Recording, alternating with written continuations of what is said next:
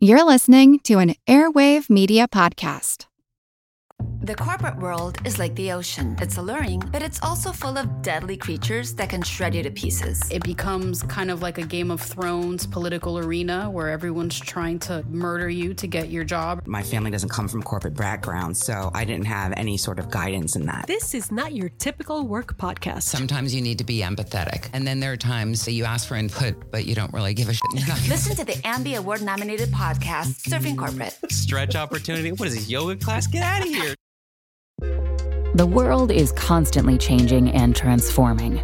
Cut through some of the noise with What's New with Wired, a podcast that goes in depth on the latest news and technology and culture. Their award winning journalism will help you make sense of what's happening in the world. Listen to What's New with Wired wherever you get your podcasts. That's What's New with Wired wherever you get your podcasts. This is Kick Ass News. I'm Ben Mathis.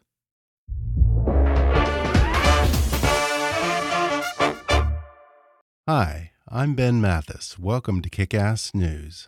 In Motherless Brooklyn, Edward Norton plays Lionel Essrog, a lonely private detective living with Tourette's syndrome who ventures to solve the murder of his mentor and only friend. Armed only with a few clues and the engine of his obsessive mind, Lionel unravels closely guarded secrets that hold the fate of New York in the balance in a mystery that carries him from gin soaked jazz clubs in Harlem to the hard edged slums of Brooklyn, and finally to the gilded halls of New York's power brokers. Lionel contends with thugs, corruption, and the most dangerous man in the city to honor his friend and save the woman who might be his own salvation. In addition to starring in the film, Edward Norton also wrote and directed it, and today he joins me on the podcast to talk about Motherless Brooklyn's 20 year journey to the big screen. We get into what it's like to do double duty as an actor and a director, and he shares some of the things he's learned from working with directors like Milos Forman and Woody Allen. Edward talks about the real life New York power broker who inspired the film's antagonist, his own grandfather's crusade for low income housing, and the things that get lost in the service of progress. Plus, we delve into our mutual love of jazz, classic noir detective films, and Manhattan landmarks of a bygone era. Coming up with Edward Norton in just a moment.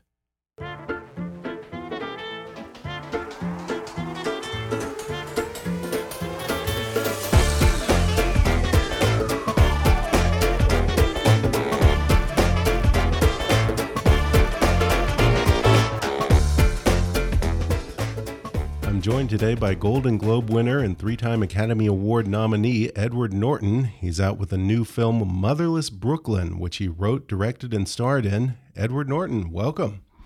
Thanks. Good to be here. The film was just terrific. I just saw it a couple of nights ago, and it's fantastic. I think it's one of the best films of the year. Congratulations Thank on you. it. Uh, this is a movie that you've been working on for what, 20 years now, huh? Um, yeah, it's a little deceptive to say I've worked on it 20 years. I, I read it 20 years ago. Yeah. Uh, it's a terrific, there's a terrific novel by Jonathan Lethem of the same name, Motherless Brooklyn. And it's, uh, it, it, it's about a, a guy with Tourette syndrome and obsessive compulsive disorder trying to solve uh, the, the murder of, of someone close to him. And, um, it grabbed me. It just grabbed me because of the character. The character was so instantly um, memorable, and I, my initial impulse was just simply that that it, it it would be so cool to try to transpose that character into a film character. Um, but uh, I I didn't initially. I didn't work on it. I, it was rattling around in my head for years before I got around to actually focusing on what would it what would it mean to adapt it. Yeah, I mean, you really have to love something to put that much time into it. I, it's hard for me to imagine any project or any story to dedicate that much time to something. Well, it's funny, like roles that you, as an actor, roles that you connect with and you think, wow, this would be hard, you know, challenging. That they, if you're lucky, they come along, but they don't necessarily come along um, all the time, and certainly not ones this good. And and so some of it was was a, a sense of real connection to the idea of the character. But then once I once I um, spent a couple years adapting it, and the the only reason it took that long was that I I'd sort of ditched the modern the modern conventions of the plot of the book Yeah. and and reset it in the 50s and wove in this whole this whole kind of dark history of New York in that era. Um, and that took a while. And once I had done that and I was happy with that and thought that it it had something it's sort of like at that point you've invested you've invested that next level of effort in it. And at that point it's in me it's a stubbornness gene. It just sort of kicks in like i felt like i knew what i wanted to say. I felt like it could be compelling. And you know I- it's not like i was i wasn't bored or or um, not you know it's not like i was giving Right, up work yeah. it's just that mean, it, when you say why does it stay in the head guy. yeah it stays it stays and if something stays in my head and i want to do it it it um it it was just kind of a conviction over time that I, I wanted I didn't want to be thwarted on it. I I, I Mm-hmm. wanted to find a way to tell that story. You know. Yeah, and you mentioned that the original novel was, I, I think it was set in the 90s. Yeah, the the original, 90s the in original Brooklyn. novel, Motherless Brooklyn. But you chose to set it in the 50s. What, what was the thinking there? Was it just that noir is so closely tied to that era of the 40s and 50s, the post war era? Yes, um, I think that um, it it was partly that the book the book feels like an old fashioned detective novel. Mhm. It's a little bit postmodern. It's got conventions in the story that are very modern, but the characters feel a little bit like people who have been in a time capsule, you know.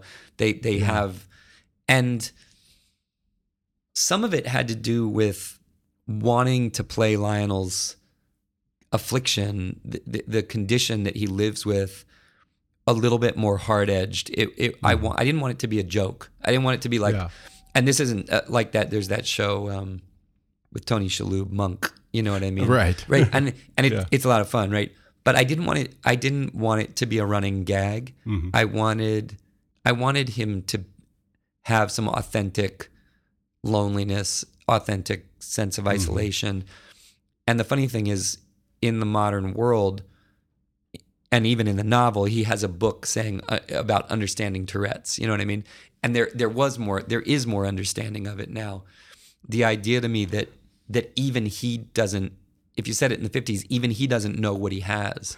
Right, right. Everyone's calling him Freak Show Yeah. and stuff like that. Yeah. But even that that that notion that even he doesn't know what's wrong with him, if you think about how isolating that is, how how frustrating that would be. Um, and I liked the idea that there's a kind of a depth of of loneliness to his condition that's sincere, and uh, because I thought you could you could um, look. I, you know, I I really like movies like Forrest Gump and Rain Man, and I think when you I think underdog characters that make people root for them are those are those are Yeah. compelling stories. It, kind of turns the traditional noir detective on its head because when we think noir gumshoes, it's usually you know Jack Nicholson or Bogart, these guys who are quick with a snappy comeback Yeah. to anything. These wisecracking detectives, and he's kind of the opposite of that. Yeah, I he's mean, a- he he's a can kind of a hot barely mess. articulate himself. Yeah, I mean Yeah. he he you can tell he's smart that he's got mm-hmm. talents, but but the that the risk he always has to live within is that he's gonna his condition is gonna um you know trip him up in a situa- in any kind of a situation. So yeah, I like the idea that the the detective who's usually the coolest guy in the room in some ways is is in fact um kind of uh hitting hitting all the normal places that a detective is smooth and Yeah, he has he has a bumpier ride. Yeah, and it's a wonderful little window into his head too, because it's almost like you're getting an inner monologue of the character. Yeah, and and that's what creates that empathy and that intimacy too. I think um, um, when you can hear someone telling his own story, and when you can hear him, um, when you have an intimacy with like I don't want to say the real person, but with the calm center, then you then you f- you feel even worse for him. You know. Yeah. He also has OCD, which is kind of perfect for a noir detective because he's the guy who just can't leave something alone. He can't stop thinking about those pieces that don't fit. Yeah, and um, and he has a he has a terrific memory. Um, but yes, I like the idea that he that it's like it's funny because when you say like, well, you have to have a pretty strong feeling about something to work on it that long. But I, it's part of it is I relate. I relate to um, the, you know, when he says in the film, um, an unfinished puzzle makes my head hurt more than most people. That's a Yeah. little bit how I feel with stories. Like if there's a certain story I want to tell, it's like, it actually is like it's sort of like doing damage the longer it hangs out in your brain, and Yeah. and you want to just you want to like smooth it out, let it let it out, and let it um let it go. You know. Mhm. Now, when you decided that you wanted to set it in the 50s, uh, how did you present that to the original author of Motherless Brooklyn? Was he on board with that? Yeah, he he was. Um, I think Jonathan Jonathan's a really a great artist. He's not just a great writer. He understands film.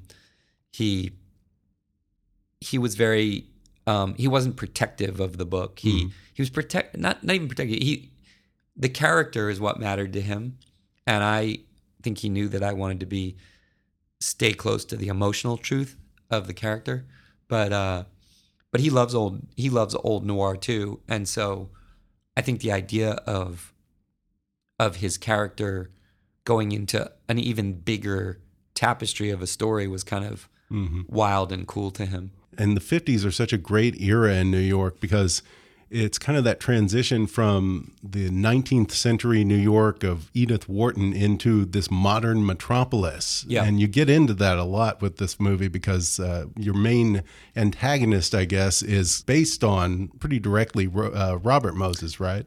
Uh, I would I would say inspired by more than based on because obviously there's there's a ton of detail about what happens in the story, but also who he ends up being and things he's done that have nothing to do with Robert Moses. Like, um, and uh, I think that, um, but the idea of um, of a sh- of a a shadowy boss of the whole city who is not elected and is kind of hiding in plain sight um, with people thinking he's the parks commissioner and in fact he's really running the city Right. that that's very true to the way robert moses ran new york across, Right. Right. across He- the whole middle of the 20th century Yeah, he held like what twelve different positions on within the city government. Mm-hmm. Yeah. So this, I, I, he, the real Robert, Robert Moses and others like him, Mhm. um, who I think are amass power that we didn't give them. Mhm. It was an, it was something of interest to me. The idea of people, the idea of power accumulating out of sight, and the danger Right. of that was Right. was interesting to me. Right, and and without the any input from the people, like you said, an un, unelected Yeah. official Right. that's Yeah. able to accumulate all that power. Yeah, in this country, we we we we put a certain faith in the idea that the people have the power, right? And we know that politicians, and we know we have a we know there's a certain amount of tolerance for, you know, the the way the sausage gets made and the realities of politics and all of it, but we do expect ultimately that that there's no one who's got massive amounts of power that's outside of our checks and balances, right?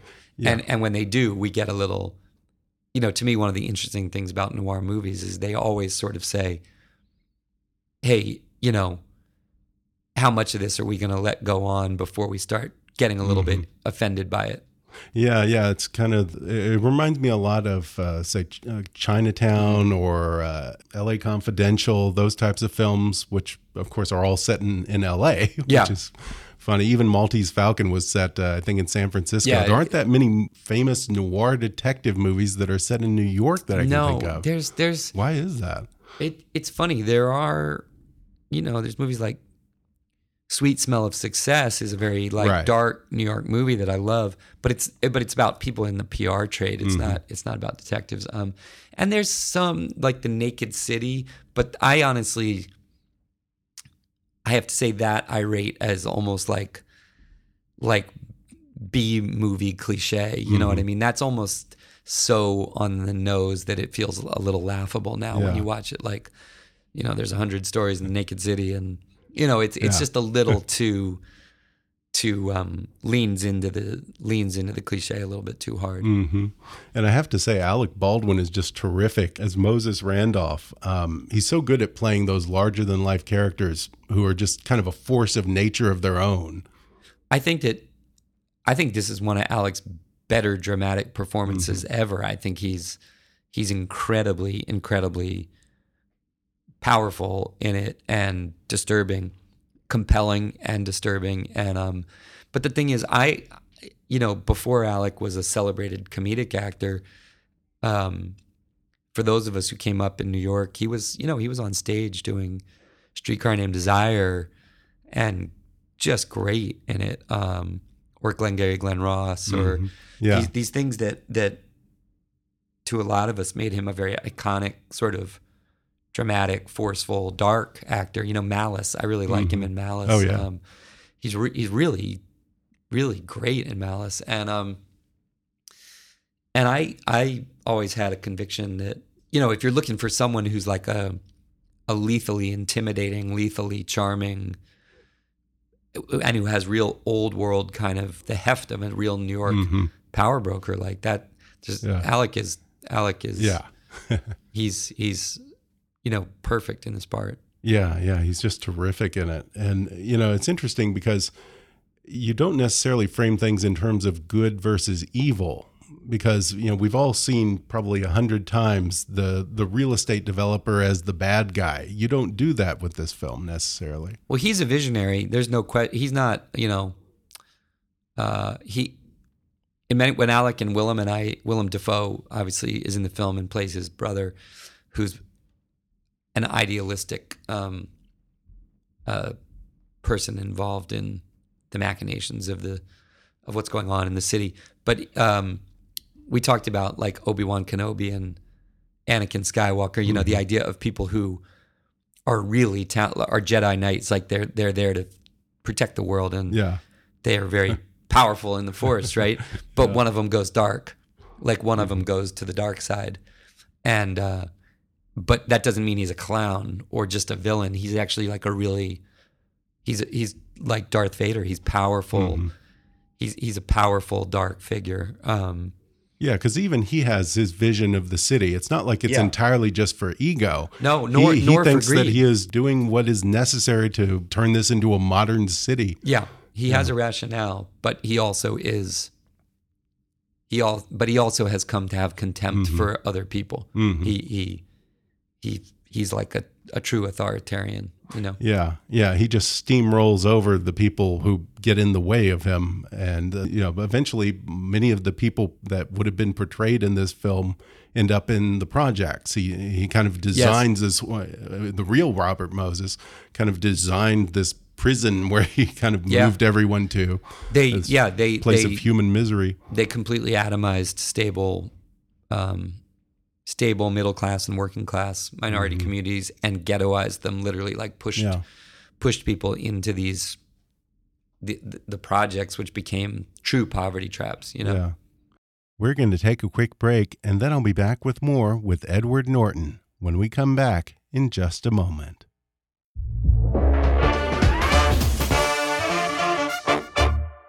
For companies, governments, and even individuals, managing the ever evolving cyber threat landscape can be the difference between thriving and being thwarted.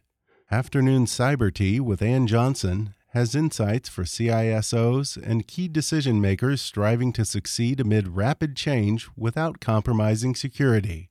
Each week, Ann Johnson, Corporate Vice President for Cybersecurity Solutions at Microsoft, talks with cybersecurity thought leaders and influential industry experts to explore perspectives on implementing new tech, next generation security risks, current trends, and the future state of cybersecurity. Join Ann as she and her guests explore the risk and promise of tools and systems powered by AI, IoT, machine learning, and other emerging technology, as well as the impact on how humans work, communicate, consume information, and live in this era of digital transformation. Because it's not enough to keep up with cybercriminals, you need to stay a step ahead. Afternoon Cyber Tea is available on Apple Podcasts and Podcast One. Listen in to lead the future of security. On average, over 27,000 Americans are diagnosed with breast cancer every month.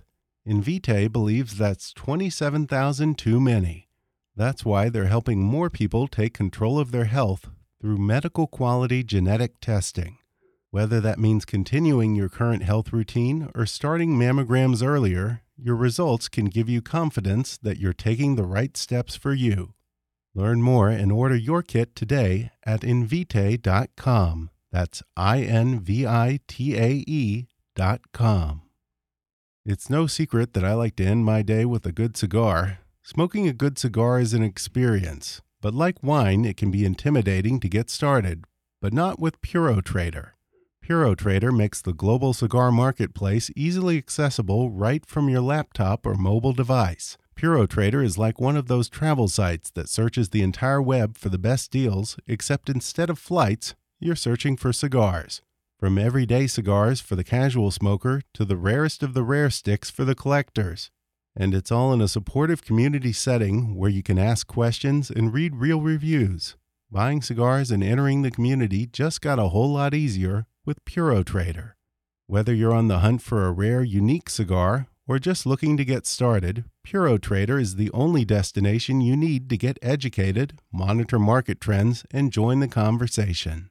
Check out PuroTrader.com and use the promo code NEWS for a chance to win a day at the Porsche Racing Experience in Los Angeles or Atlanta. That's PuroTrader, P U R O T R A D E R.com, promo code NEWS. And now back to the podcast.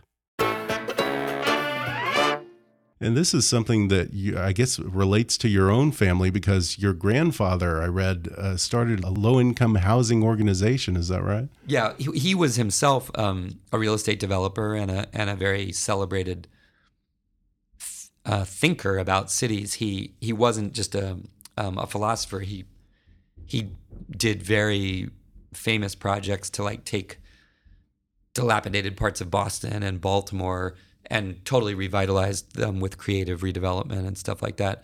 Um, so he he was an actual developer, but he also was he became for a lot of people this this kind of leader in in in progressive sort of humanist ideas about cities and and how they could be better planned, redeveloped, etc. And he um, in his later life he built an organization called Enterprise that that became one of the largest nonprofit developers of affordable housing in, in America. Yeah. Wow. And I, and I worked for him. Yeah, and you're you're still involved in that. Yeah, I'm, I'm? I'm I'm involved in it um, in a in a supportive sense, but Mm. I actually worked there in the first couple years out of college, and that's that's when I really got to know New York and understand some of the dynamics that uh, in the past that had led to the Yeah.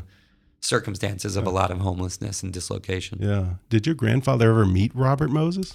There's a, a rumor, a family. ru- My, I think one of my uncles told me that he did. Really? Um, yeah, sometime in the '60s. My recollection is that my uncle told me that that he uh, that he was very shaken by meeting him, and, and that he thought he was very a very dangerous person. Yeah. Yeah. Very very intimidating. Yeah. And I have to say that I also love that you set the protest scene in your film in Washington Square, which I'm assuming kind of evokes uh, Jane Jacobs, uh, who went up against Robert Moses when he, he had a proposal to run an expressway straight through Washington Square Park, right? Yes, it, through the through Greenwich Village um, and through Washington Square Park, he was gonna he was gonna put expressways everywhere. He was gonna put one down on Battery Park. He was gonna um, there was at some point I don't remember if he was talking about an expressway through Central Park, but he definitely fought against Joseph Papp wanting to put a theater there. Um, Yeah, yeah. He was all about the car. He, Yeah. he, he you know, Yeah. he, he, he, he wasn't a big believer in kind of the democratizing power of mass transit. No, He- not at all. He believed that uh, New York was going to be a driving city. Yeah, and um, and the roads he built became the worst parking lots in the world. Right. Uh, um, he he he would not listen to people after the war who were pleading with him when he built these highway corridors to put mass transit in the corridors as well. He wouldn't do it for those in New York, um, Washington Square Park. Jane Jacobs. That was actually later. It was in the '60s. In the '50s, Oh, right, right. In the '50s, there was actually a woman um, named Hortense Gabel who actually did have a committee against racial discrimination on housing, and and um, she, Cherry Jones's character is is is more specifically inspired by Hortense Gabel, but um, but yes, there's a strong element of Jane Yeah. Jacobs in her too, which is you know the great thing about films is if you're gonna tell it if you're gonna tell a true story like and you're gonna say this is a true story, I think you gotta. I'm a big believer you shouldn't bend the truth a lot. You should you should have conviction that the story is is compelling. Yeah. Um, but if you're if you're going to try to get at essential truths, you know, to me, there's a reason that you know, Citizen Kane is notionally it's about William Randolph Hearst, but it's not. It's it's Yeah. a it actually is a blend up. And if you read the history of that, they they pulled details from the stories of different people right. Howard Hughes Mhm. and others. Yeah. and definitely. um and when you make something literary like Robert Penn Warren's famous book uh um All the King's Men is people say it's about Huey Long of Louisiana the character is called Willie Stark it's very recognizable in some of its component parts Mhm. as Huey Long but it also ha- makes some stuff up about an affair and about all kinds of stuff so uh I think that um, Chinatown too. You mentioned Chinatown. There's there was a real person, William Mulholland, who was the water commissioner. Right. But but in Chinatown, there's a Hollis Mulwray, right? Um, it it films. You can when you make things an imagined story, you can sometimes have the freedom to distill the story down to its essence instead of um, instead of telling people that something happened exactly this way. Yeah, and Motherless Brooklyn, even though it's set in the 50s, it, still seems that it's very much of our time because it's addressing these issues of power unchecked and gentrification and urban renewal. I mean, all things that are incredibly relevant today, perhaps even more relevant right now.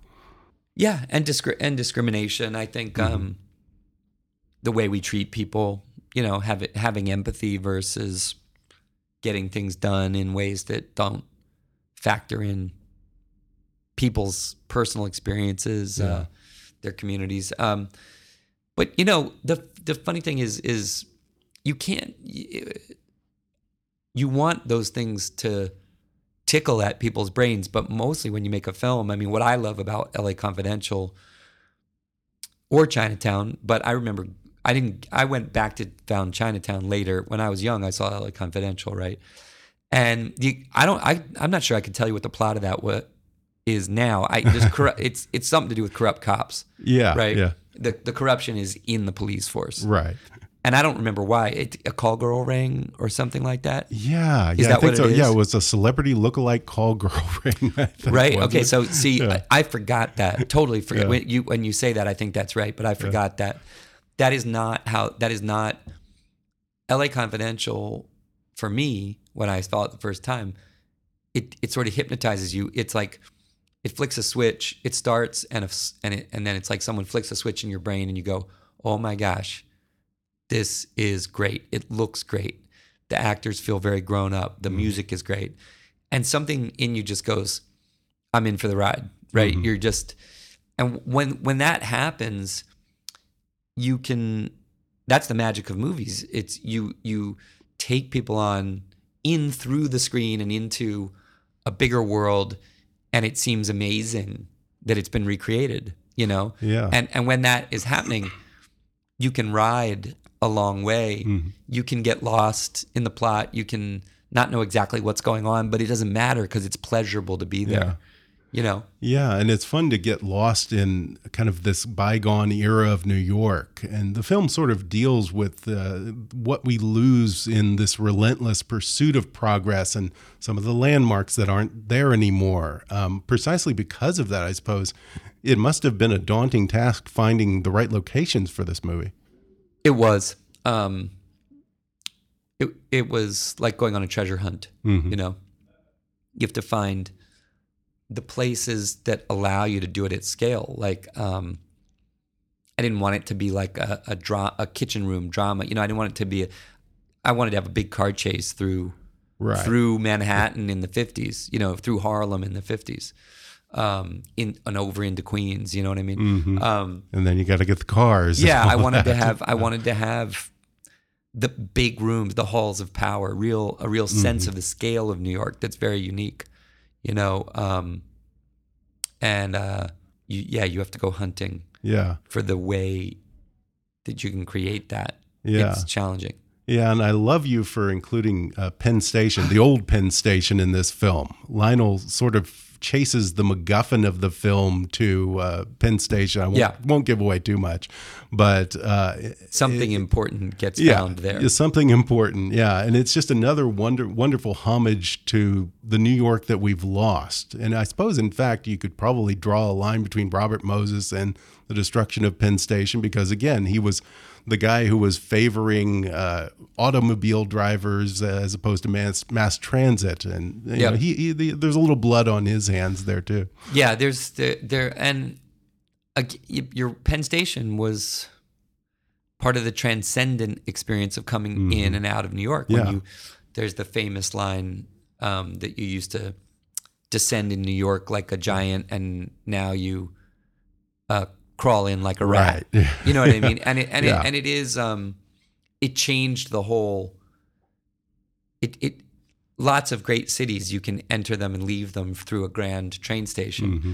New York has Grand Central Station, but that's for the local trains and the Right. subway. You know what I mean? Right. Um, we lost our big equivalent of Victoria Station in London. We lost Yeah. like the big gateway to the city, and Yeah. um, And it's still kind of a, a gaping wound for yeah, New Yorkers. It's, it's like one of the things that haunts New York. You know? yeah. um, because it, it it wasn't lost for a good reason. It was lost to a backroom deal. Right. You know. Yeah, and the film is just beautifully shot. At some points, I, I, there are scenes that I, I guess almost remind me of Edward Hopper paintings. Mm. Uh, yes, there's there's some references to his, Yeah. but but that's just Dick Pope is one of the great cinematographers, and he he um he has an amazing feeling for light, the spill of light, and and lonely spaces and big spaces. He's Mm-hmm. he's he's really one of the. I did the Illusionist with him, and uh, Oh, yeah. which a lot of people enjoy, and his photography on the Illusionist was he was nominated for it, I think. Um, but he's he's a he's a master, and I love the way he he was able to make it feel visceral and real, but Mm-hmm. but of another era. Yeah, yeah, and I have to bring up the score. I think it's one of the best scores that I've heard in God, I don't know how long. Um, the music is interesting because you have kind of uh, the the traditional noir bluesy jazz, but then there's an underlying thing of the synth music that kind of uh, creates this disconnect. Uh, what were you going for there? Well, I do. You know, there are some. Daniel Pemberton is the composer you're you're complimenting, and I think he's a genius. I he we we we talked about things like the Chariots of Fire score. That's Mhm. this 1920s running movie that has this Vangelis synth, and then also a beautiful classical piano. And even in that Oh, main yeah. theme, you know, Yeah. you hear like synth drums and a synth and then but then the famous da da da da da da that's all on a piano you know um and the blend there's something classical but something edgy Mhm. too um um and it it I, I like those those mashups and I um and Daniel had a the, the thing is that Lionel's head the main character he's got this churning brain and there's a dissonance in his brain there's a looping quality i think jazz jazz has a very tourettic quality actually Mhm. it's Yeah. very improvisational and Yeah. it can be very Especially bebop. yeah, Yeah. explosive and staccato and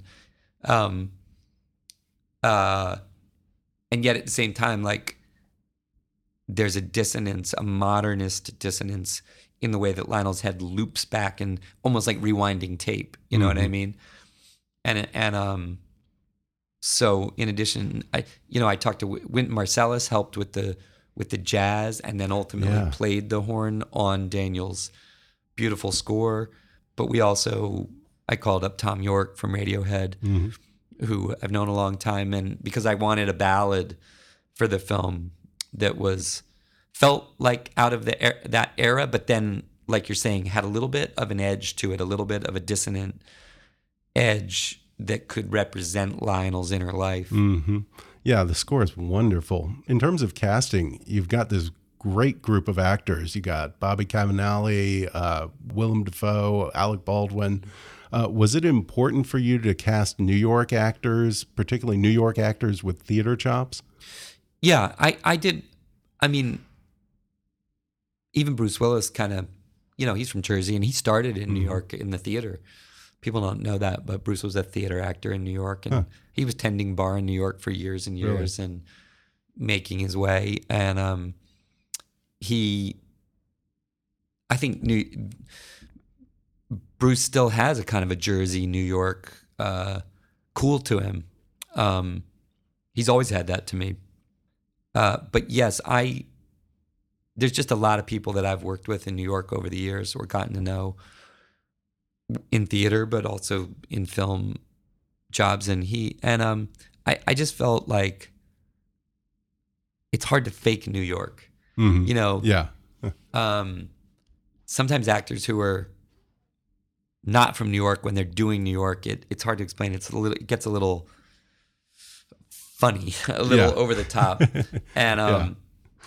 some people, there's some people, um, but it wasn't just that. It was also that we had to shoot the movie pretty fast, Mhm. um, and I needed people with a theater background to come in ready with the whole text. Yeah. you know. Yeah. Now, what was it like switching between directing and acting? Because I, I guess this is not the first time that you've done that, but at this point, are you able to do that pretty seamlessly? Uh, yes, but this one was definitely harder. Really? the, the one I did with Ben Stiller, um, called Keeping the Faith, it was lighthearted, and Ben is also a director, and it was easy to just do things very on the fly with Ben. This this had characters, not just mine, all throughout who they they needed a more con, you know, they were challenging characters. They have a lot to say, Yeah. and um, I w- I was mostly concerned with being a distraction to the other actors. Right. Okay. In other words, Yeah. act, actors rely on each other to sustain their focus. hmm And when one of you is ping ponging out of the scene, it can Right. be a little distracting. Right. And I, I needed actors who were okay with that, who honestly didn't need too precious a bubble of of uh, method Yeah. focus because I Yeah. wasn't able to provide that. Yeah. Well, it also it can kind of mess with the power structure of that relationship. Yeah. Um, I mean, everyone in this really trusted me. They really, they they were there to help me, which is Mhm. amazing. Mhm. Um, the the the thing on the plus side, I think some people would say on the plus side, an actor who's directing. I think sometimes directors think that actors need more than they need. That like Huh. they, they'll talk for a long time, and sometimes all an actor needs is a verb. You know, I sometimes say like the best thing you can do give an actor is a single verb or a single adjective. Like, Mhm. you know, you say, um, "You're seducing him." Just persuade him. You know what I mean? Like, Yeah. But you think about it, you're like, I know, I know what that means. Uh-huh. there- I know Yeah. what the difference in those two things is. Yeah. Um, you know, or it's like, uh, just persuade him. Don't Mm-hmm. criticize him. You're like, oh, okay, yeah. And and and and good actors know exactly Yeah. what that means. They know exactly what to do with that. But so less is more when less directing. is more. Absolutely. Really? Yeah, absolutely. I. Interesting. Now I know that you worked with Woody Allen, and I, I think that he has a similar approach, right? He kind he of says almost nothing. So, by the way, two of my first directors, Milos Forman, who was one of the greats of all time, he wa he said almost nothing. Yeah, really. He he was he really believed. He told me he thought that directing was mostly casting and editing, and that in between you should just run the cameras and get as much as you can. Yeah. But he really believed that you should cast people who, if they open their, their mouth and they're speaking, they're right in the role. That's funny. Yeah. Interesting. Hitchcock was similar. Hitchcock, you know, another person who wasn't known for giving much direction.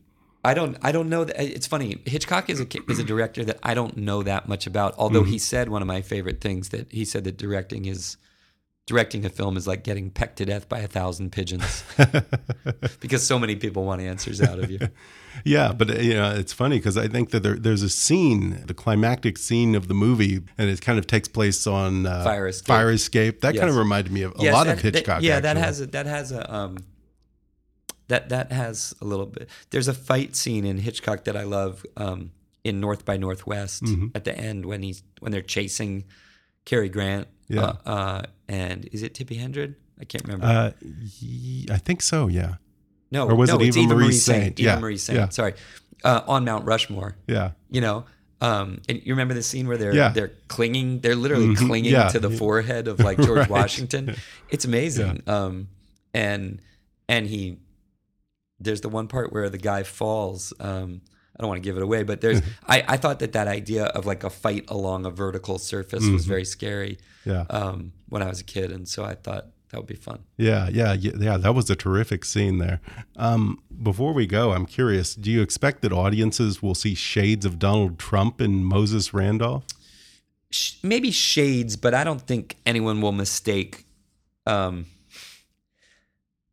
I don't think anyone will mistake Moses Randolph for Trump because, Mm-hmm. first of all, Moses Randolph uh, is portrayed as a genius. I mean, he's portrayed right. he's portrayed Yeah, as yeah. as a brilliant Yeah, ch- visionary who hides who hides his true nature. You know, right. Trump. No matter what you think about him, you can't deny that he's just all out front. Right. He's all, you know, um, ego, and in many ways, um, my character is. I think what we're suggesting is that it's by very nature of the brilliance with which he hides himself that is Mm-hmm. what makes him so dangerous. Yeah, yeah. Trump Trump puts it all out there. That's for sure. But Yeah. but there is sort of you know the idea of power unchecked and Power that kind unchecked, of am- yeah. ambition and rolling over the little people. I mean, his dad was a slumlord. Yeah, true enough. And I think I think that look, I think that the question that's in the film in many ways is are we going to are we going to are we going to confer kind of a heroic characteristic on people just because they sort of uh, they have power or they're forceful or they get things done um, even if that's at the expense of people? Or are we going to say no people caring for other people uh, is who we want to be. That's what america is. Yeah. that's what here and in a lot of ways lionel as the centerpiece he is not in fact in some ways the hero he has to figure out who he thinks is heroic and pick a side Mhm. Yeah, yeah, it really speaks to the moment, and it's just such a terrific film. I can't recommend it enough. Again, Motherless Brooklyn is out in theaters now. Edward Norton, thanks for talking with me. pleasure that was great thank you Thanks again to Edward Norton for joining me on the podcast. His film Motherless Brooklyn is out now. Check your local listings for theaters and showtimes. Staying a step ahead of cyber threats can be the difference between thriving and being thwarted. Afternoon Cyber Tea with Ann Johnson has insights for cybersecurity decision makers striving to succeed amid rapid change. Each week, Ann Johnson, Corporate Vice President for Cybersecurity Solutions at Microsoft, talks with key security experts to explore perspectives on implementing new tech, next generation security risks, and the current and future state of the cybersecurity industry. Afternoon Cyber Tea is available on Apple Podcasts and Podcast One. If you enjoyed today's podcast, be sure to subscribe to us on Apple Podcasts and rate and review us while you're there. Five star ratings and detailed reviews are one of the best ways for new listeners to discover the show. You can also follow us on Facebook or on Twitter at, at KickassNewsPod and recommend us to your friends on your social media. For more fun stuff, visit kickassnews.com and I welcome your comments, questions, and suggestions at comments at kickassnews.com. For now, I'm Ben Mathis, and thanks for listening to Kickass News.